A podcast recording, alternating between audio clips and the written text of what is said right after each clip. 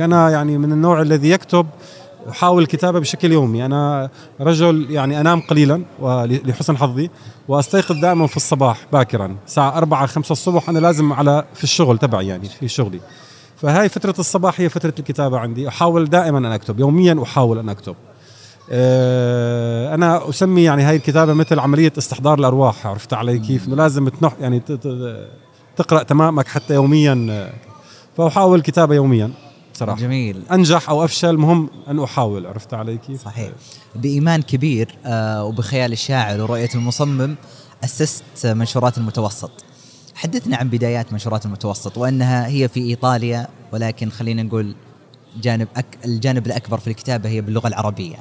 طبعا. آه، منشورات المتوسط المتوسط تأسست في البداية في بال 2012 بس مش كمنشورات متوسط. إحنا عملنا في ميلانو أنا عملت أول شيء اسمه جمعية المتوسط للتبادل الثقافي.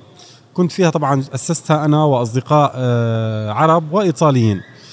وبدأنا العمل في المجال التبادل الثقافي. تنظيم آه، مشاريع ثقافية أنشطة ثقافية اشتغال آه، في في عدة مناحي لها علاقة ب يعني الصلة بين العالمين العربي والإيطالي.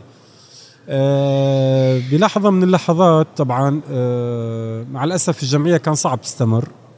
بالمناسبة أول أول إصدارات طلعناها كمتوسط كان باسم الجمعية. يعني بس إصدارات قص يعني قليلة جدا مرتبطة بهاي كلها ترجمة كانت ترجمات.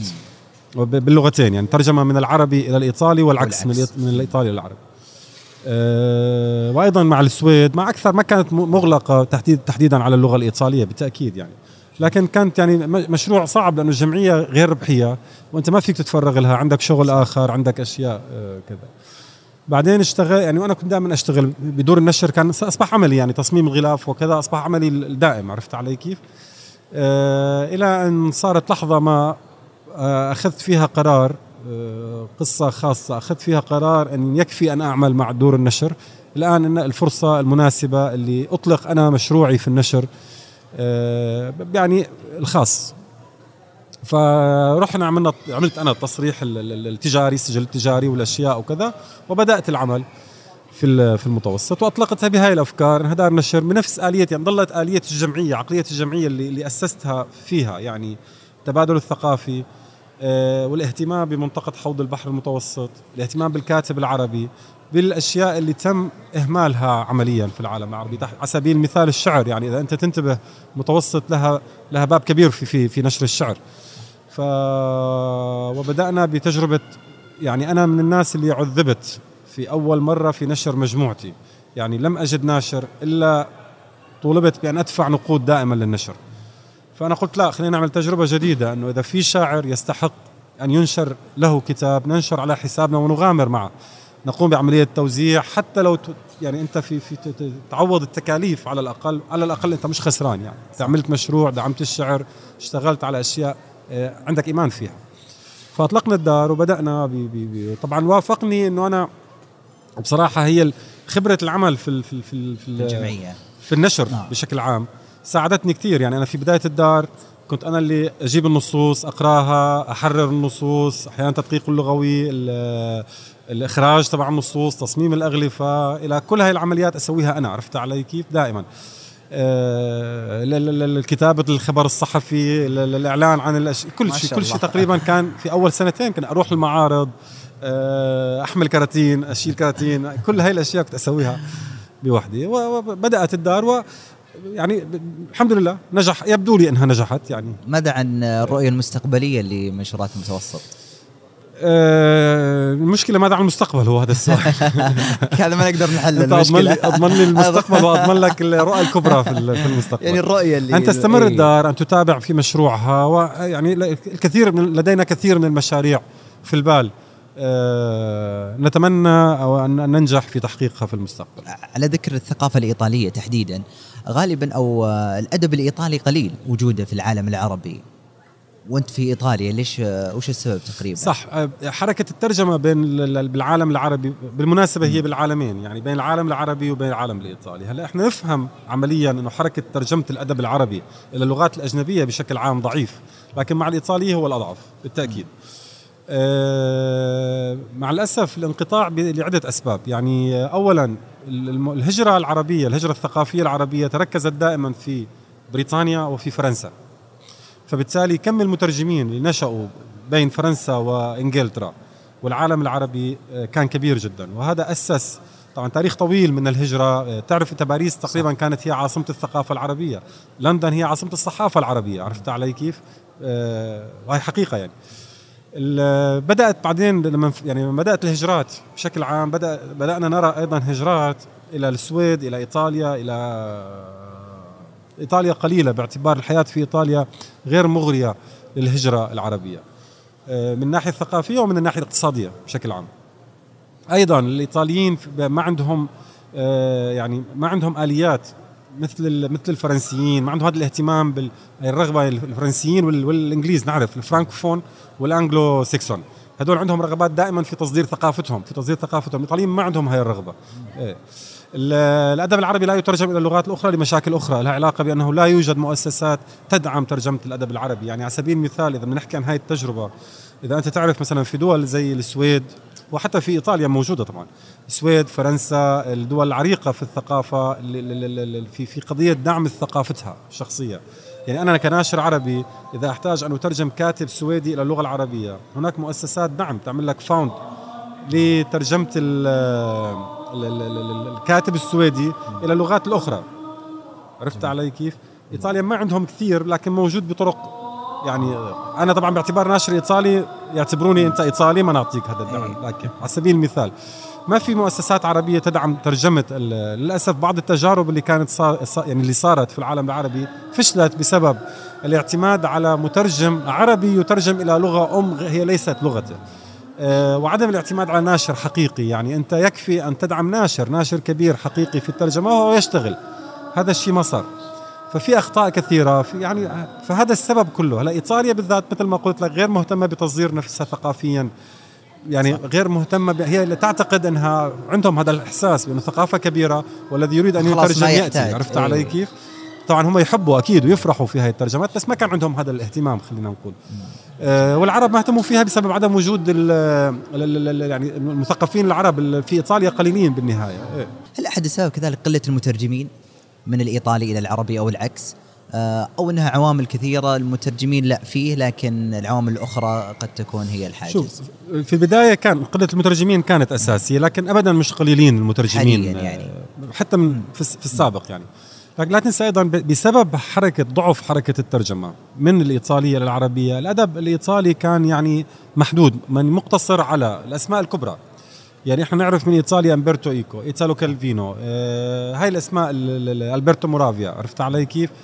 آه بدأت حركة ترجمات بسيطة لكن مش حركة حقيقية. والغريب أنا حسب يعني متابعتي للموضوع أولى الترجمات اللي بدأت في الإيطالية من شباب أيضا ظهرت في دور نشر يعني آه، سعودية. مم. آه، يعني دار أثر طبعا كان لها دور صح. كبير. آه، طبعا مع المترجم آه، المعروف آه، حبيبنا معاوية عبد المجيد. آه، بعدين دار نشر آه، كان آه، في السعودية أيضا. أعتقد صاحبها التونسي مسكلياني طبعا الدار اللي بدأت في الترجمات وكذا. آه، لكن هاي الدور كانت مقتصرة دائما على يعني التوزيع داخل السعودية كذا لم لم يعني لم تخرج كثيرا عن السعودية. آه، بعدين لما بلش الاهتمام بالأدب الإيطالي عمليا لما يعني صار في في دور يعني في دور نشر بسيطة تهتم ودخلت المتوسط ودخلت دور نشر أخرى صار في اهتمام بحركة الترجمة الإيطالية. أيضا في مصر كان في ترجمات كبيرة وع- وعظيمة عن الأدب الإيطالي ترجمتها دار شرقيات هاي الدار العظيمة اللي أغلقت مع الأسف يعني. آه، ترجمت الكثير من الكتب الإيطالية فعلا. المصريين كانوا رو- رواد في الترجمة عن الإيطالية. لكن قلت لك ظلت في الإطار المحلي. يعني شرقيات لم تكن تخرج أيضا من مصر. آه، قليل جدا. ال- الدور اللي كانت في السعودية لم تكن تخرج من, من يعني أيضا قليل. آه، لكن هي هي الدور المؤثر. الم- المتوسط إجت أيضا مع دور نشر أخرى. عطت شوي دفع ل- لحركة الترجمة. بلش ال- القارئ ينتبه إنه انتبهوا الآن صار في دور نشر كثيرة تترجم إلى الأدب الإيطالي. ظهرت كتب مهمة هنا وهناك في كل هاي يعني ضمن دور النشر نيكولا أمانيتي آه، جوزيبي كاتوتسيلا دخل مترجمين بدا مترجمين اخر بدأنا نستقطب مترجمين آخرين. يعني في المتوسط الآن إحنا عندنا تقريبا آه، يعني عرفان رشيد يوسف وقاص آه، قاسم محمد أمارجي طبعا المترجم السوري. بدأت هذول المترجمين نجلاء والي كلهم يشتغلوا معنا في الدار. طبعا أسماء الآن كثيرة بصراحة إيه. تغيب عني. عز الدين عناية آه، بدانا بدأوا حتى المترجمين المهتمين في الأدب الإيطالي وعايشين جوا. انتبهوا إنه الآن في حركة في يعني لأنه مع مع مع الدار اللي هي عايشة معهم وبيناتهم كذا إنه ممكن نعمل شيء فصار في تجمع لترجمة الأدب الإيطالي. عرفت علي كيف؟ جميل. ف يعني هذا احمد طبعا مم. أحمد الصمعي كل هاي الأسماء اللي ترجمت على الأدب الإيطالي ترجمات كبيرة ورائعة. اثنين تسمح لي أيضا في إيطاليا بدأت تظهر نوعا ما حركة ثقافية عربية. بدأ يسافر إلى إيطاليا مثقفين فاعلين بالحركة الثقافية في إيطاليا نفسها. آه، يعني إحنا لما طلعنا اشتغلنا شيء اسمه مجله الجريدة وهي مجلة باللغتين العربية والإيطالية. اشتغلنا نشاطات ثقافية جبنا الكثير من إحنا, عملنا مثلا ب 2012 آه، أنا درت آه، مشروع اسمه فلسطينيات جبنا أكثر من 60 كاتب وفنان فلسطيني إلى ميلانو. أسبوع كامل ميلانو احتفت فيهم بأسبوع الأدب الفلسطيني. فحتى الكثير من المفكرين قال لك إنه إحنا أول مرة نرى حدث فلسطيني بهذا الحجم برعاية المحافظة. لأن تعرفوا هناك تأثير تأثير الجاليات اليهودية قوي. صح. فدائما في موازنة لازم يكون ما بعرف إيش. بعدين ظهر مثلا في ميلانو أعطيك من التجربة آه، وائل فاروق في الجامعة الكاثوليكية هو عنده مركز دراسات اللغة يدرس في الجامعة الكاثوليكية وبدأ أطلق مشروع جميل جدا اللي هو مشروع مهرجان اللغة العربية في ميلانو اللي يعني سنويا ثلاثة أيام كل سنة يستضيف أكثر من 50 إلى 100 كاتب آه، عربي في مشروع معينة بدأ هذا الشيء أثر عرفت علي؟ وصارت يعني طبعا إضافة إلى اشتغال المستعربين يعني إيزابيلا كاميرا دي فليتو يولاندا جواردي آه كثير من المستعربين الإيطاليين اللي بدأوا يشتغلوا وينشطوا أيضا في هذا المجال لأنه حسوا إنه صار في حركة ممكن الآن أن يعني نبدأ أن نتحرك سوا. طبعا إلى الآن حركة الترجمة ليست يعني على حجم الرغبة أو حجم الطموح. إن شاء الله مستقبلا إن شاء الله. نصل إلى المرحلة. اليوم المتوسط تعتبر وجهة للثقافة العربية في إيطاليا. ماذا يمكن أن تقدم المتوسط لتعرف أوروبا على على الثقافة العربية؟ والله هل في مشروعات أكبر معينة؟ أكبر حلم عنا حقيقه أن تبدأ المتوسط أن تكون فاعلة في قضية النشر بعملية النشر أه وتسهم في تعريف القارئ الإيطالي بالأدب العربي. أطلقنا إحنا من سنتين مشروع اسمه موتا موتا اللي هو أول أربع أو ثلاث أربع حروف من كلمة متوسط يعني متوسط صار موتا بالإيطالي وموتا أيضا هي لعبة على لغة الصمت. كنوع من فكره تعريف العالم بالأدب الصامت الأدب اللي مش معروف عمليا المسكوت عنه خلينا نقول بدأنا عملنا مج... بس لكن النشر في إيطاليا يعني النشر باللغة الإيطالية يحتاج إلى يعني دعم مؤسسات نشر في اللغات الأخرى يحتاج إلى دعم مؤسسات نعم بين صعب يعني ان أن تترجم هناك وأن تعمل في ظروف وفي تكاليف إيطاليا. ليس سهلا ابدا على الموضوع. نشرنا كتاب لوديع سعادة نشرنا كتاب للدكتور وائل فاروق نشرنا كتب مختارة لمجموعة نقاد آه، عن الرواية العربية. الآن ننشر كتاب لخلدون الشمعة. بطيئين. نتمنى ان لكن ساهمنا في أيضا الاقتراح على الكثير من الدور النشر الإيطالية يعني كتب عربية وكتاب عرب في ترجمتهم. نتمنى أن تصبح المتوسط في يوم من الأيام مع مشروع موتا تبعها اللي هو فرع يعني قسم النشر في اللغة الإيطالية فاعل ومؤثر في المستقبل في في في تعريف لأن أقول لك شيء مهم إنه الكثير من الترجمات العربية إلى الإيطالية كانت ترجمات يعني مع الأسف آه، في وراها أشياء شخص شخصيات فيها شخصنه كثير. طبعا في ترجمات لا يعني في كتاب معروفين جدا وكبار صراحة ومشاهير يعني في العالم. يعني خالد خليفة مشهور في إيطاليا علاء الأسواني مشهور في إيطاليا. آه، في كتاب لا يكتبون بالإيطالية لكنهم عرب يعني مرجعيتهم عربية سعاد العامري سوزان أبو الهوى وأسماء كثيرة سمر يزبك كلها أسماء يعني لها حضورها في في المشهد الإيطالي ككتاب عرب. آه، لكن الكثير منها كانت ترجمات مع الأسف سيئة ولا تعرف في في, في الأدب العربي.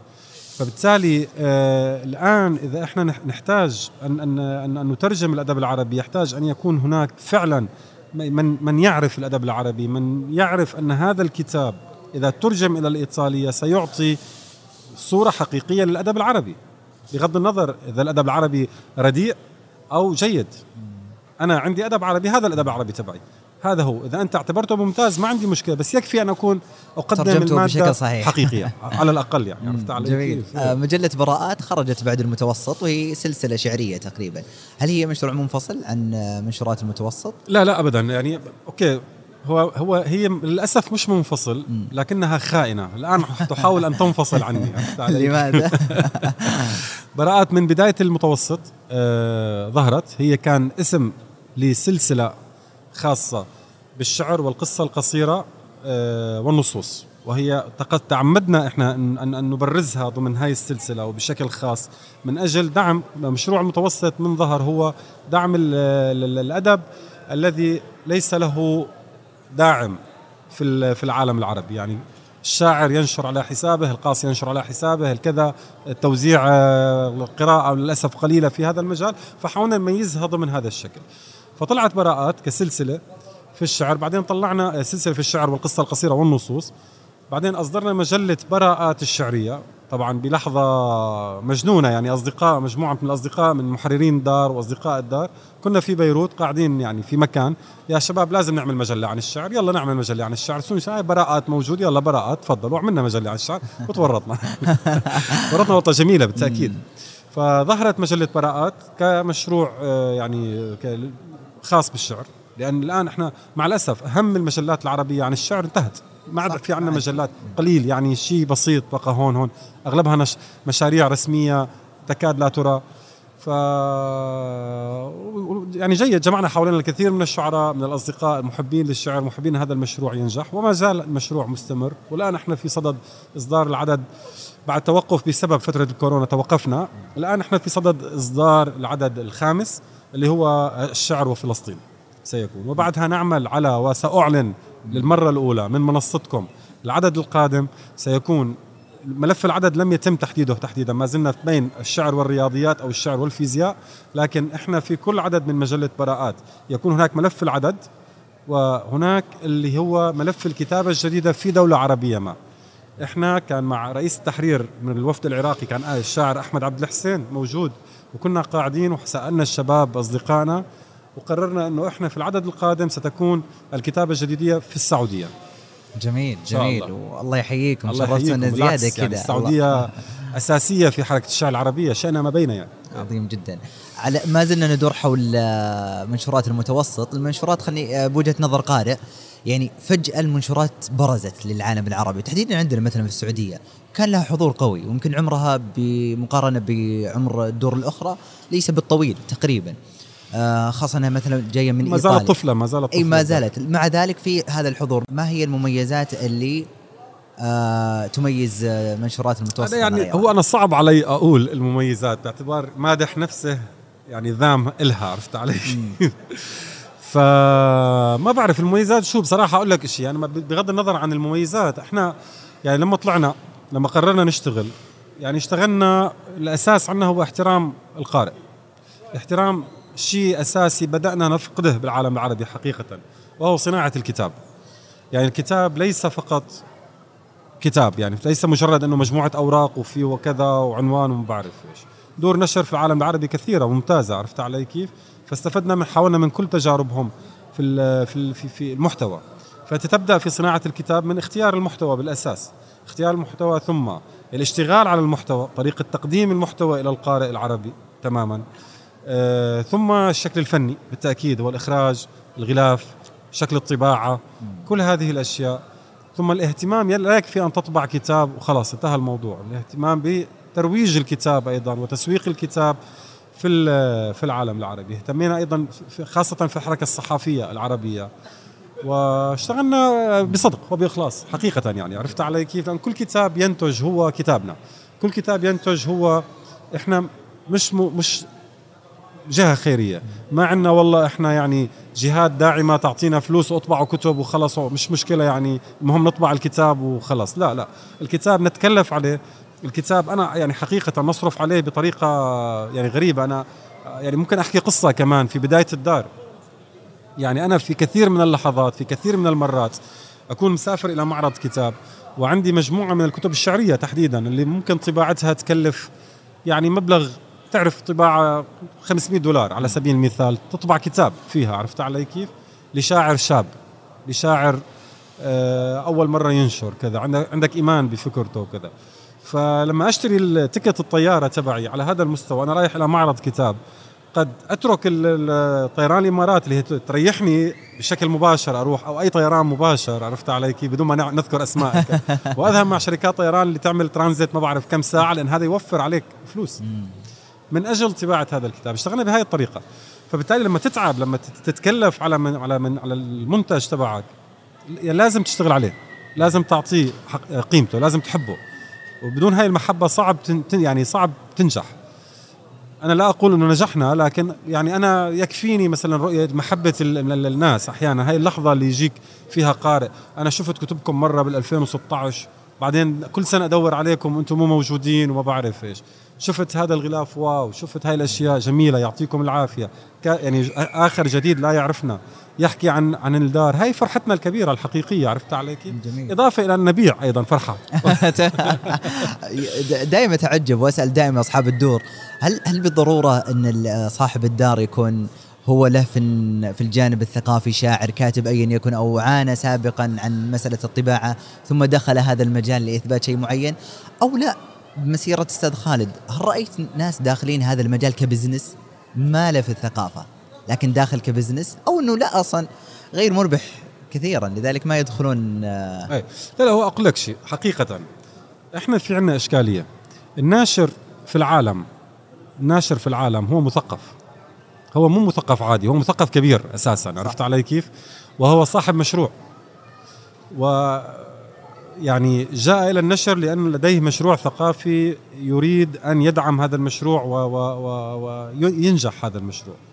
لذلك نرى على سبيل المثال وهي شيء يعني مضحك. في في أوروبا دائما نأخذ المثال المثالين الأكبر يعني فرنسا وإيطاليا. هناك دار نشر يمينية على سبيل المثال. أقول لك هاي دار نشر يمين أصحابها يمينيين يمين متطرف. صاحبة يعني تحس إنه وراها هي حزب مش دار نشر عرفت إيه. علي كيف؟ دار نشر يسار دار نشر يسار متطرف. ما في ناشر يعني في العالم. هنا تعرف النشر يعني يدرس. هناك كليات تدرس النشر خمس سنوات. آه. ممكن تعمل ماجستير في النشر. هذا هذا التخصص لا توجد جامعة في العالم العربي تدرس النشر على سبيل المثال. باستثناء على ما أذكر في الرباط جامعة الرباط في المغرب يوجد ممكن تعمل ماجستير في, في النشر فقط. عرفت علي كيف؟ هذا اختصاص مش مزح. ف أنك تفوت على دار نشر على سبيل المثال تلقى كتب دينية كتب ماركسية كتب آه، إباحية كتب م. إسلامية كتب آه، تربية وتطوير كتب ما بعرف إيش في نفس اللحظة كل شيء يعني مشكلة عرفت علي بس هذا غير الطبيعي. هذا مش هذا مش مش مش وضع طبيعي عرفت علي كيف؟ الناشر ابن موقف عنده موقف من الأشياء عنده شيء لازم يقوله. يعني إحنا من الناس اللي أكثر من مرة نريد نكتب على كتابنا كل كلمة في هذا الكتاب نحن مسؤولين عنها عرفت علي كيف؟ لما أنا أفتح دار نشر لك أنا مش مسؤول عن اللي جوا ليش ناشر الكتاب إذا مش مسؤول أنت وين مسؤوليتك صح ولا غلط؟ فالنشر تحدي النشر تمرد النشر آه، يعني إذا أنت بدك تخلق مجتمع مثقف فالناشر هو المخول بهذا الموضوع عرفت علي كيف؟ فأنت تقرر إذا بدك تكون ناشر تاجر كذا القارئ يعني يعرف مش غبي بالنهاية عرفت علي كيف؟ بالعكس. فهذا هو. جميل. والسوق غالبا يسوي شخل مثل ما نقول ويبقي الأصيل غالبا. على ذكر الطباعة تحديدا أو التصاميم ذكرتها يمكن المرحلة الثالثة في هذه المرحلة. لو أي شخص قارئ مر على دار أو منشورات المتوسط سيجد الانبهار الواضح أو خلينا نقول أن التصاميم المميزة. هذه هذه هذا خلينا التركيز عليه. طبعا أستاذ خالد هو هذا يعني تخصصك لكن من ناحية التسويق هل فعلا أثر؟ الناس ينجذبون كشكل أولي؟ شوف هي هي مغامرة كانت. يعني أنا أنا شغلي زي ما قلت لك هو الجرافيك تصميم الأغلفة تحديدا. خلينا نقول أنا اختصيت فعلا بالسنوات الأخيرة في تصميم الأغلفة. أه وأيضا كما هو الشعر مبدأ وموقف كما هو النشر مبدأ وموقف. أقول أيضا التصميم كشكل من الأشكال الفنية هو مبدأ وموقف. عرفت علي كيف؟ فأنا هذا الشغل اللي, اللي, اللي أعرف إنه هذا الشغل غريب كان على العالم العربي ومربك. بس ما دام إحنا عم عم ندعي إنه إحنا دار نشر نأتي بصيغ جديدة وبعلاقات جديدة لازم يكون أيضا الشكل الفني آه، جديد. فغامرنا بالشكل الفني لكن أنا بداخلي عندي ثقة إنه يعني الناس لازم تحب الفن. بالنهاية عرفت علي كيف؟ لا أدعي لا أقول إنه ما أقوم به بالاغلفه هو فن. لا لا أقول هذا الشيء ابدا. لكن برأيي بوجهة نظري أنا هذا الفن تبعي. أكثر من هيك ما أقدر يعني عرفت علي كيف؟ فدخلنا وغامرنا. اكتشفت إنه لا يعني ترك أثر كبير في العالم العربي وكان مؤثر. واحيانا يعني في كل معرض في كل معرض كتاب هناك من يشتري الكتب من أجل الأغلفة فقط. يؤسفني ويسعدني في نفس الوقت بصراحة عرفت علي كيف؟ فأثر طبعا. يعني أنا في عندي يعني على سبيل المثال عندي كتب خلصت بسبب الغلاف. في ناس اشترت الغلاف يعني بيعوا الكتاب من أجل الغلاف. بس أنا جيد إنه الكتاب جيد بالتأكيد لكن الناس اشترت من أجل الغلاف ونجحت العملية وواضح إنه الناس بدأت يعني بعدين أيضا بدأ الكثير يعني من الشباب يشتغلوا في نفس الآلية ونفس التقنيات وما بعرف إيش كذا. ف... وأعتقد إنه نحتاج في الجانب الثقافي مسألة الجانب التسويقي يكون أكثر نضجا. طبعا. نعتقد سابقا الجانب الثقافي جانب التسويق مو بداخل فيه. يعني حتى لا الأدوات ولا المهارات. مؤخرا لا بدوا خاصة الدور تشتغل على هذا الجانب. صحيح. في الأخير هذا منتج يجب أن يصل يعني. صح خاصه الكتاب طبعا. الجدد وغيرهم. دعني أختم معك هذا السؤال آه، أستاذ خالد. ما هو سر الطواحين آه وارتباطها بك تحديدا وخاصة في شعار آه منشورات المتوسط. والله لا أقول لك القصة مثل ما هي. كنت أشتغل مع جماعة. أوكي؟ جماعة في ليلة بلا ضوء قمر ما فيها ضوء قمر زي ما يقولوا. وجدت نفسي مفلس تماما. يعني صار شيء ووجدت نفسي مفلس تماما. وأنا أحب ال bicycle يعني في الدراجة الهوائية أحبها. فعندي البسكليت تبعي اللي هي شعار الدار.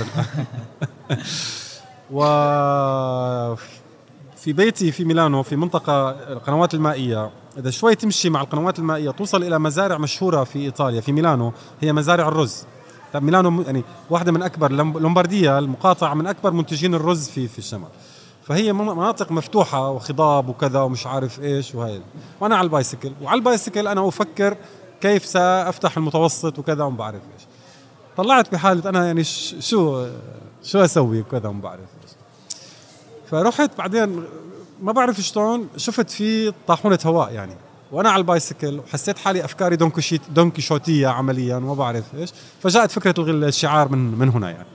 جميل جدا. بس مو أكثر. سعدك الله أستاذ خالد. شكرا لك على هذه الدقائق الثمينة. اللي. وإحنا بالمناسبة آخر يوم في معرض الكتاب وشرفتونا في الرياض. شرف لنا. ونودعكم ونلتقي فيكم بكم إن شاء الله في لقاء آخر. خلي كل الشكر. الله يسعدك. وشكرا للرائين والسامعين الوصول إلى هذه المرحلة. لا تنسون تنسون الاشتراك ونشر الحلقة لمن يهمه الأمر. وفي أمان الله.